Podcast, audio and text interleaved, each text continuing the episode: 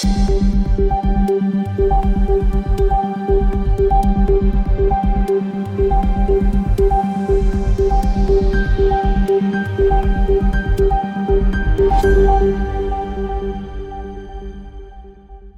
tilbake til Krimnytt, en podkast for deg som ønsker å følge med på aktuelle true crime-saker. Den første saken vi har i dag er ganske så spesiell, for det er nemlig første gang at en forelder har blitt dømt i en skoleskytesak. Jennifer Crumbly, mora til tenåringen som drepte fire elever ved en videregående skole i Oxford, Michigan i 2021, ble funnet skyldig i uaktsomt drap i alle fire tilfellene og dette er første gang i historien at en forelder har blitt holdt ansvarlig i retten da barnet har skutt rundt i en skyteepisode. Den 45 år gamle moren Crumbly risikerer opptil 15 års fengsel, og straffeutmålingen er satt til 9. april.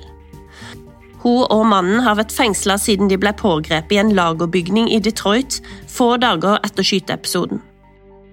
Mannen James Crumley får sin egen rettssak for de samme anklagene tidlig i mars.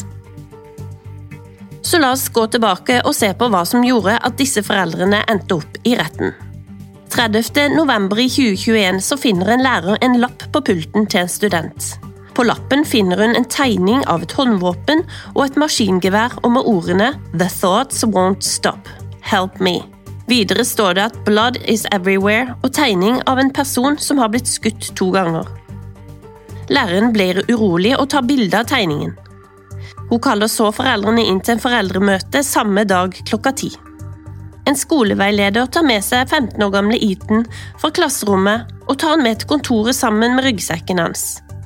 Veilederen tar frem tegningen, men Ethan har allerede viska ut deler av den. Foreldrene blir vist notatet og informert om at de må skaffe han rådgivning og helsehjelp innen 48 timer. Men foreldrene ønsker at Ethan skal bli igjen på skolen, og drar uten ham. Klokka 12.51 så går Ethan ut fra et toalett med pistolen faren har kjøpt fire dager tidligere. Han åpner ild mot elever i gangen, dreper fire og sårer seks elever og en lærer. Ifølge CNN går Ethan rolig nedover gangen, og når elevene begynner å løpe bort, skal angivelig 15-åringen fortsatt å bevege seg nedover gangen i et metodisk tempo, og skjøt inn i klasserommet mot elever som ikke hadde kommet seg unna. Security pågriper han innen få minutter etter skytingen. Og når nyheten om en aktiv skytter blir kjent for allmennheten, sender moren Jennifer Crumbly en tekstmelding til sønnen sin klokka 13.22. Ethan, don't do it. Klokka 13.37 så ringer faren James Crumbly nødnummeret 911 for å rapportere at det mangler en pistol fra huset hans, og han tror det er sønnen som kan være skytteren. Pistolen hadde vært oppbevart ulåst i en skuff på foreldrenes soverom.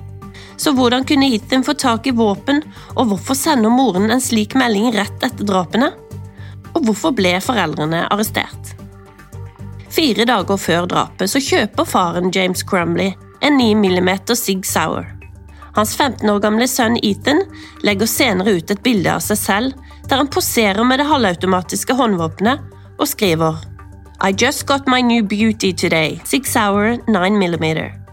Any questions I will answer. Han legger ved en emoji med smilende ansikt med hjerteøyne. Dagen etter skriver moren på sosiale medier. Mor og sønn har i dag testa ut hans nye julegave. Julegaven skal altså ha vært det automatiske håndvåpenet.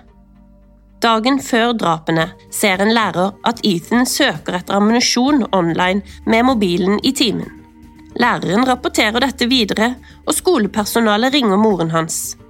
Da hun ikke tar telefonen, legger han en beskjed og sender en e-post. Hun svarer ikke, men hun sender en tekstmelding til sønnen der hun skriver LOL, jeg er ikke sint på deg, du må bare lære deg å ikke bli tatt. Samme kveld spiller Ethan Crumbly inn en video der han deler sine tanker om å drepe. 1.12. blir Ethan Crumbly sikta for drap og terrorisme og to dager etter blir foreldrene sikta for uaktsomt drap. Foreldrene møter ikke opp til fengsling og blir så etterlyst. Etter et søk så blir de funnet i kjelleren på en lagerbygning og arrestert. I retten mente aktor at foreldrene hadde forsømt sønnen. Han hadde bl.a. 13 hull i tennene, og han hadde ytret flere ganger at han trengte psykisk helsehjelp. I tekstmeldinger sier han til moren at han ser monstre og spøkelser i huset. Moren svarer ikke på meldingene, og ber henne respondere. I retten mener moren at det hele var en spøk dem imellom. I notatboka til Ethan sto det sort på hvitt at han ikke fikk hjelp til sine psykiske problemer, og at dette førte til at han ønska å skyte rundt seg på skolen. Moren påstod at hun ikke ante han hadde et problem, og i dagboken skriver Ethan dagen før drapet at han har tilgang på skytevåpen og ammo, og at han er klar over at han skal tilbringe en livstid i fengsel. Han skriver også at flere klassekamerater bare vil ha én dag igjen å leve. I notatboken skriver han at foreldrene ikke lytter til at han trenger hjelp, og at de ikke tilbyr han å ta han med til terapi. Dette er med andre ord en planlagt handling, og han ønsker å bli stoppa.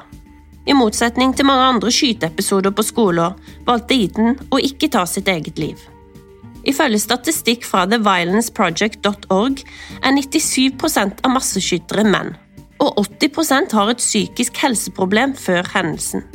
Ifølge The Campus Safety Magazine.com så har det vært 2057 skyteepisoder siden 1970. Det har vært 680 dødsfall og 1926 skader.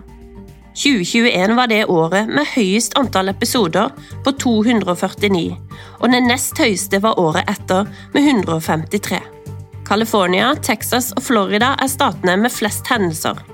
I 43% så var skytteren en av de nåværende elevene ved skolen og gjennomsnittsalderen på skytterne er 20 år. I 86% av hendelsene som døde skytteren hovedsakelig som følge av selvmord. Og så skal vi til en sak fra Australia.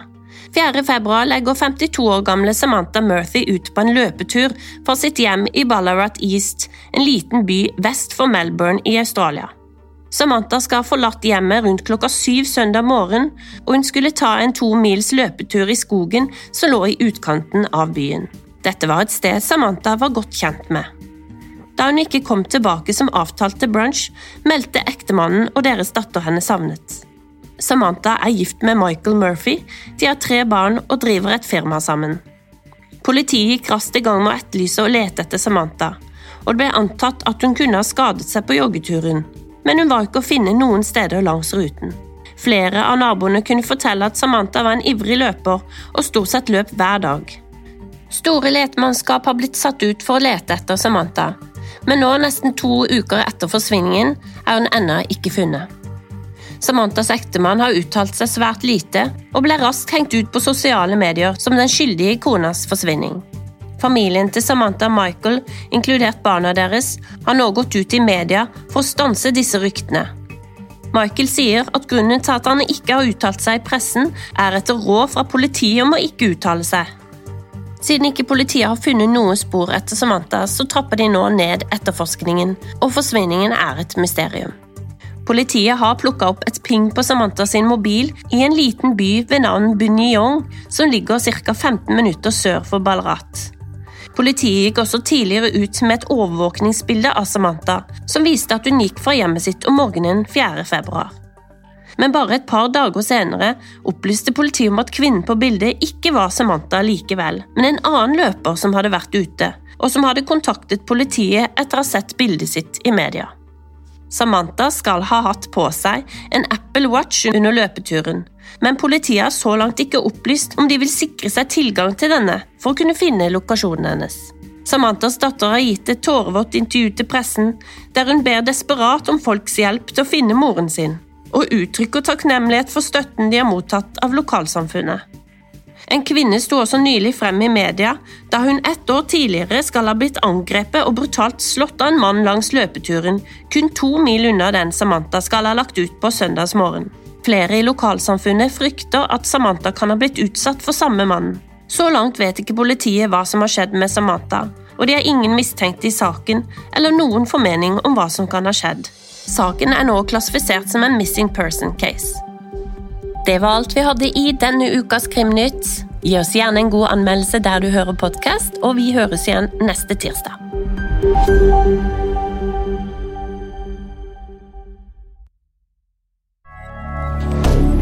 Moderne media Har du et enkeltpersonforetak eller en liten bedrift?